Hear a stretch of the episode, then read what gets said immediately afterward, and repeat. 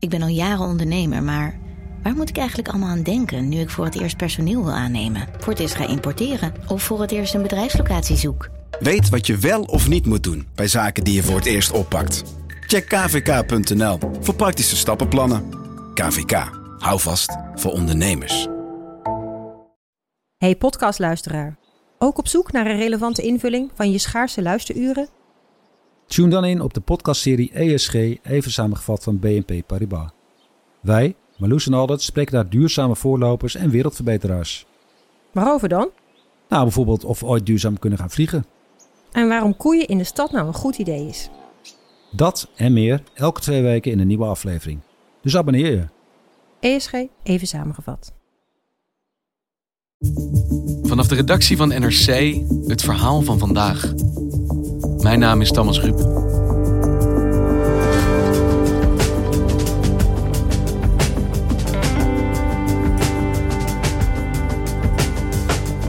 Begin deze eeuw schreef de Chinese schrijver Gu Fa-yun een bestseller over de SARS-epidemie. Maar het boek werd verboden. Nu teistert een nieuwe epidemie zijn thuisstad Wuhan. En opnieuw ziet hij de overheid dezelfde fouten maken. Podcastredacteur Julie Blusset zocht hem op in Wenen. Heeft China dan niets geleerd van SARS?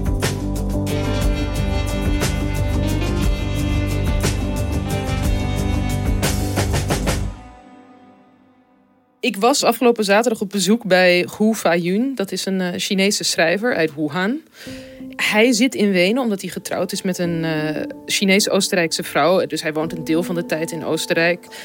Had eigenlijk een vliegticket terug naar Wuhan geboekt voor eind januari. Maar ja, die heeft hij niet meer kunnen gebruiken. En nu zat hij vanuit dat appartement de hele dag met uh, vrienden en familie in uh, Wuhan te appen en berichten door te geven, uh, nieuws uit buitenlandse media te lezen en, en te vertalen. Ja, te volgen wat er gebeurde in zijn thuisstad.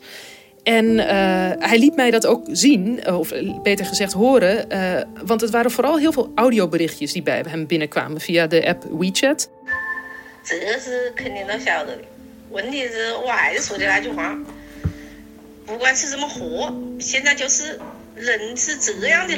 En daarin vertelde vrienden, familie precies wat zij beleefden van dag tot dag. En een van de berichtjes die hij liet horen was een berichtje van een nichtje van hem. Die vertelde dat ehm, ze haar vriendje al een hele tijd niet heeft gezien.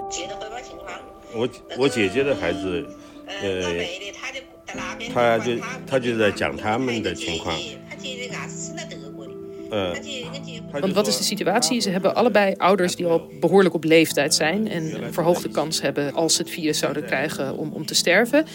Dus het, het nichtje zorgt voor haar ouders in hun appartement. En haar vriendje zit in het appartement van zijn ouders uh, om daarvoor te zorgen. En eigenlijk, ja, ze durven het eigenlijk niet meer aan om nog contact met elkaar te hebben. Zo min mogelijk met de buitenwereld en ook niet met elkaar.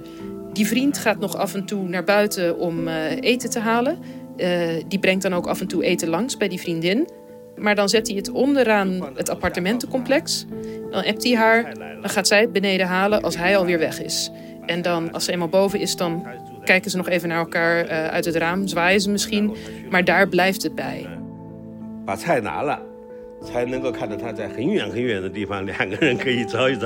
Ja, ik vond dat eigenlijk al best een indrukwekkend verhaal om te horen. Eh, maar hij zei van dit is iets wat volkomen normaal is op dit moment. Dit is hoe elke Wuhanees nu de dag doorbrengt. En in een soort van zelf uh, verkozen quarantaine. Want elke vorm van menselijk contact is daar nu een risico. Ja, precies. Dat zien zij wel zo. Het is niet per se zo dat het hen door de overheid is opgelegd. Maar dat is ook iets wat zij per se zelf willen doen. Want ze zijn gewoon zo ontzettend bang. Julie, jij bent normaal gesproken natuurlijk een van de editors van onze podcast. En je zit nu in Wenen. Maar waarom ben jij nou degene die door de krant daarheen gestuurd is? Um, ik was op het idee gekomen om hem op te zoeken. Omdat ik een bericht zag van een uh, correspondent in China. En die zei, oh, ik heb deze Gu Fa-yun, die heb ik een paar jaar geleden heb ik geïnterviewd. En die heeft een bestseller geschreven over de SARS-epidemie. En als je nou meer wil weten over de achtergronden van die epidemie en over de epidemie nu en de epidemie toen, hoe dat nou tot stand is gekomen, dan moet je echt dat boek lezen.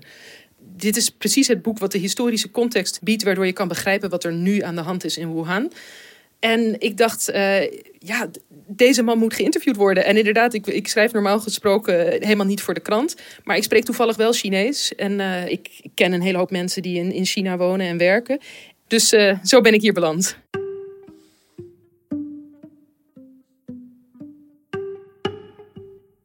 En hoe werd je daar ontvangen door hem? Uh, ja, heel erg hartelijk, moet ik zeggen. En uh, zodra ik binnenkwam, zei zijn vrouw ook tegen mij: Je moet absoluut blijven eten. Um, en uh, kan je ook pittig eten? Want zij kwam dan uit Sichuan en daar maken ze altijd heel erg pittig eten. Dus ik zei van ja, dat kan ik allemaal wel aan. Dus, dus zij was heel tevreden. Zij vertrok meteen naar de keuken uh, terwijl wij het interview gingen doen. En eigenlijk pas na het interview besefte ik uh, waarom het ook voor hem belangrijk was om uh, met mij daar aan tafel te zitten. Want het was de laatste dag van de nieuwjaarsviering afgelopen zaterdag. Dat is normaal gesproken juist een moment dat je met je vrienden en je familie aan tafel zit. Uh, en dat konden ze, zij nu eigenlijk ja, niet doen. Net als uh, heel veel mensen in Wuhan dat niet konden doen. Uh, die zei ook tegen mij: Dit is waarschijnlijk voor het eerst in letterlijk millennia. dat zoveel mensen in China dit feest niet hebben kunnen vieren.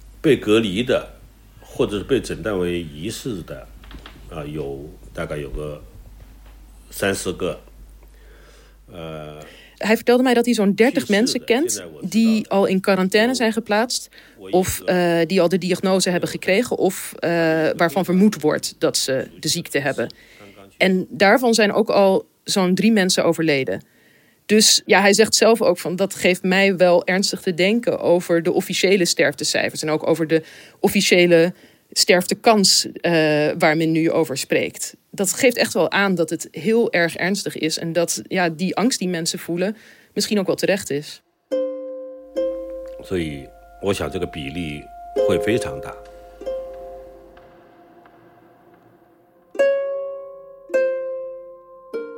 Je was bij hem vanwege een boek. Welk boek is dat? Ja, dat boek dat heet Ruyen at SARS.com. En uh, het speelt zich af in Wuhan. Uh, zijn thuisstad dus. Het is een roman die hij in 2004 schreef. Eigenlijk vlak nadat de SARS-epidemie op zijn einde liep. En het gaat over een vrouw, Ru Yen, waar daar, vandaar de titel ook. Vrouw van in de 40 uh, wiens zoon in het buitenland gaat studeren. En die zoon die laat dan voor haar een laptop achter. En dat is eigenlijk haar eerste kennismaking met het internet. En zij raakt eigenlijk bijna verliefd, zou je kunnen zeggen, op het vrije internet. Dus zij begint al haar tijd door te brengen op internetfora. Ze begint met. Uh, ze knopt allerlei contacten aan met mensen. Ze schrijft blogposts. Totdat de SARS-epidemie plotseling losbarst. En die SARS-epidemie die leidt tot heel veel problemen, maar die leidt er ook vooral toe dat zij eerst op het internet en dan in het echte leven eigenlijk botst op de grenzen van de vrijheid in China, zou je kunnen zeggen. Ze komt erachter wat er allemaal niet gezegd mag worden, wat er allemaal niet over gepraat mag worden. Um, ja, en, en wat voor gevolgen dat heeft in het leven. Dus het is een roman, fictie, maar wel tegen het decor van die echte epidemie van SARS in die tijd. Ja, absoluut. Ziekte, met een afkorting SARS geheten, verspreidt zich vanuit Azië over de verschillende continenten. Met name wordt duidelijk dat SARS in de Volksrepubliek China vaste voet aan de grond heeft gekregen. De Chinese leiders hebben hun burgers lang onwetend gelaten van het feit. Er staat nog steeds heel weinig over in de Chinese pers. En er is verteld aan mensen die in de gezondheidszorg werken aan Chinezen... van als je met een buitenlandse journalist praat, dan kost dat je je baan. Had dit boek impact in China? Was dit een succes? Ja, dit was een enorm succes. Uh, er zijn ja, immense aantallen van over de toonbank gegaan. Maar toen is het ook al vrij snel daarna is het verboden. Nou ja, en vanaf dat moment durfde die uitgever het niet meer aan om een herdruk te maken of om, om iets van promotie van het uh, boek te bewerkstelligen. Dus vanaf dat moment is het niet meer uh, officieel in de boekwinkel verkrijgbaar. Maar het is wel zo dat er ook heel veel piratenuitgaven zijn gemaakt, zoals ze dat dan noemen. Ik vroeg de schrijver daar ook naar en hij zei van ja, ik heb wel eens ergens lezingen gegeven. En dan kwamen er na afloop honderd mensen om een handtekening vragen. En dan was er misschien maar één boek bij wat uh, de echte uitgave was. En de rest was allemaal nep, zullen we maar zeggen. En waarom was dat dan? Waarom zag de overheid dit boek liever niet in de handel? Nou ja, omdat het een boek is wat heel kritisch is over het handelen van de overheid. En hoe het handelen van de overheid een natuurlijk fenomeen, namelijk een ziekte, heeft doen uitgroeien tot een enorme epidemie. Um, en ja, dat legt hij heel mooi bloot. De, de hoofdfiguur uit het boek die uh, probeert mensen te laten weten... hé, hey, ik, ik heb vrienden in Hongkong en die zeggen dat daar een ziekte heerst. Die moet daar nu niet op bezoek gaan. Dat wordt meteen gecensureerd. Dus het, het, het grootste mankement wat hij heel goed blootlegt in uh, dit boek... is het gebrek aan transparantie uh, wat er bestaat. En ook uh, het gebrek aan een soort mechanisme om om te kunnen gaan met kritiek en problemen, wat je ziet in de Chinese uh, samenleving. Maar je bent nu bij hem natuurlijk vanwege een ander virus, niet SARS, maar het huidige coronavirus. Uh, het Wuhan-virus wordt het ook genoemd. Maar ik heb het gevoel dat het een heel andere situatie is eigenlijk. Dat de overheid in China er heel anders mee omgaat. Ze kregen complimenten van de WHO. I will praise China again and again because its actions actually helped in reducing the spread of coronavirus to other countries. Ze doen het toch veel beter deze keer? Ik heb het gevoel dat men dat in China zelf ook wel enige tijd dacht. Tot de dood van dokter Li Wenliang een paar dagen geleden. Ik denk dat dat echt een kantelmoment is geweest. Waarop uh, men binnen China, maar ik denk ook wel daarbuiten, uh, inzicht begon te krijgen in het feit dat het misschien toch niet zoveel beter gaat als 15 jaar terug. Want hij was de ontdekker van het huidige virus. Hij was niet de ontdekker, maar hij was een van de eerste dokters die um, zag dat er patiënten waren met wat hij als SARS-achtige symptomen uh, beschreef.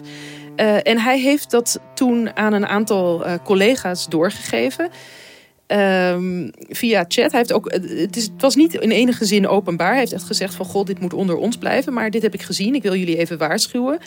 Um, en wat er toen gebeurde is, ja, wat, wat, wat onvermijdelijk misschien wel gebeurt. Namelijk andere mensen die hebben zijn bericht wel gedeeld. En uh, daardoor, dit was al eind december. Daardoor begon steeds meer rond te zoomen. Er is iets aan de hand. En SARS is misschien wel terug.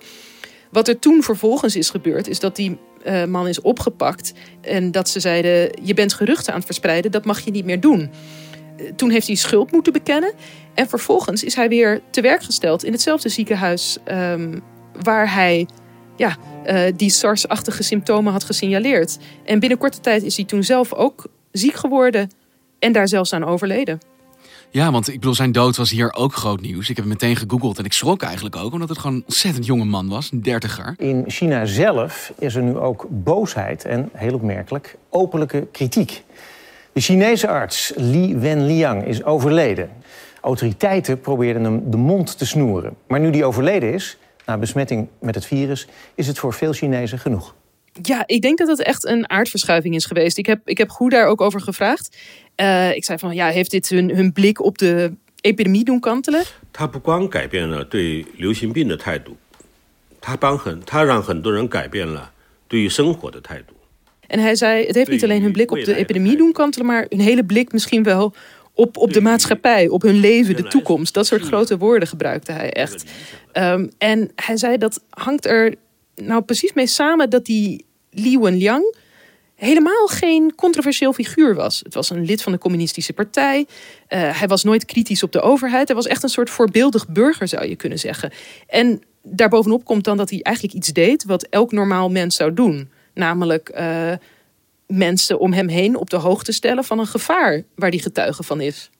所以李文亮这个事情对他们的这个作用很大。 李文亮跟他们一样。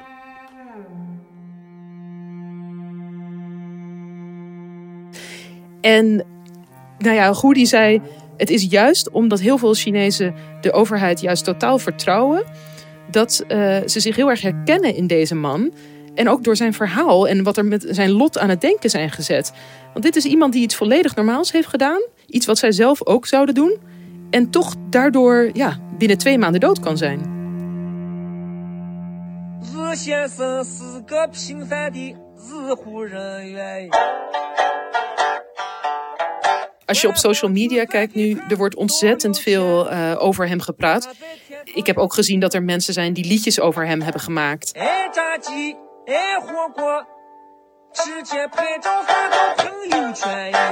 Er wordt ontzettend veel over hem geschreven.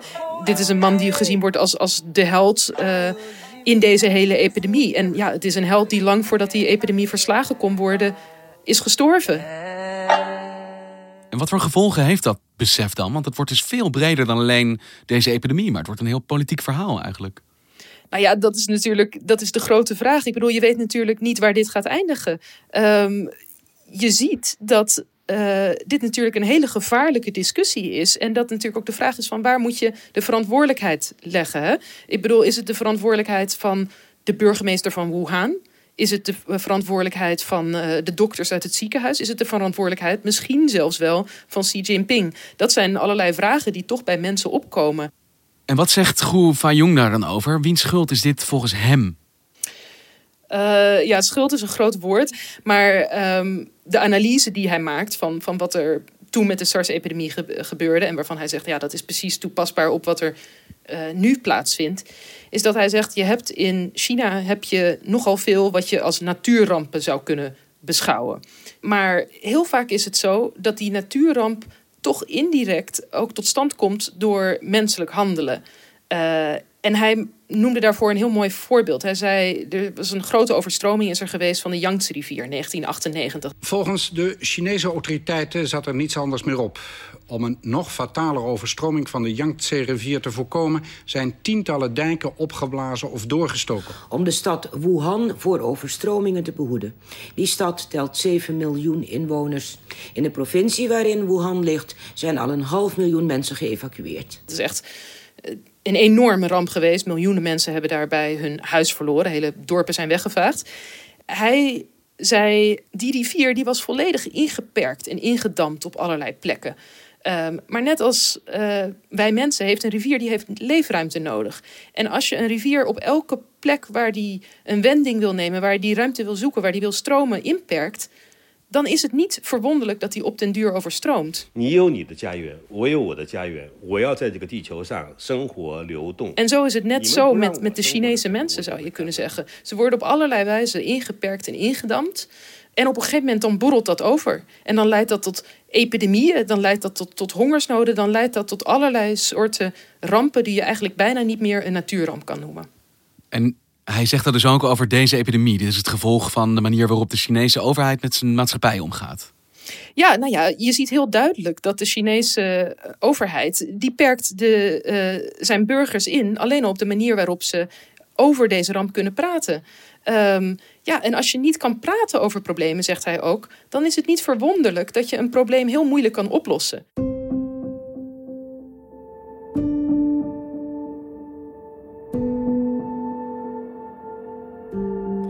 hij zit daar nu in Wenen en hij observeert dit en hij ziet eigenlijk hetzelfde gebeuren als hij eerder zag rond de SARS-epidemie.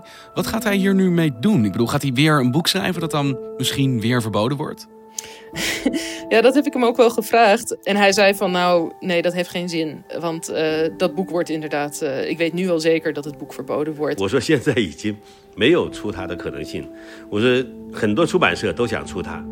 wat zitten de risico's aan dat hij met jou praat en dat hij zich zo kritisch uitlaat over wat er gebeurt in China? Hij woont niet het hele jaar in Wenen, als ik jou begrijp. Nee, hij is een Wuhanees in hart en nieren. Zijn familie die woont daar al ruim vier eeuwen. Uh, hij zei tegen mij: Mijn hele schrijverschap is verbonden met die stad. Al mijn boeken gaan over die stad. Dus ja, ik wil absoluut terug. Uh, hoe gevaarlijk het voor hem is, dat vind ik heel moeilijk in te schatten. En uh, ik merkte wel dat hij nogal rustig op mij overkwam. Zelfs op het moment dat hij vertelde dat hij dus wel 30 mensen kent die inmiddels die ziekte hebben opgelopen of, of vermoedelijk hebben opgelopen en dat er ook al een paar van zijn overleden. Ja, en toen glimlachte hij een beetje en zei hij tegen mij van ja, ik ben 71. Uh, eh, ik heb al zoveel meegemaakt. Dat is misschien uh, voor, voor een Europeaan als jou moeilijk te bevatten. Uh, maar ja, hij is niet zo snel meer onder de indruk. Dus ik denk dat hij gewoon weer teruggaat. En hij gaat dus ook door met zijn kritiek leveren in de hoop dat misschien een keer het wel verbetert volgens hem. Ja, dat denk ik zeker wel. Um, het is alleen uh, de vraag waar hij die kritiek kwijt kan, zullen we maar zeggen. Waarschijnlijk niet op de Chinese social media en, en, en ook niet in boekvorm. Nou ja, in ieder geval hier. Dankjewel, Julie. Graag gedaan.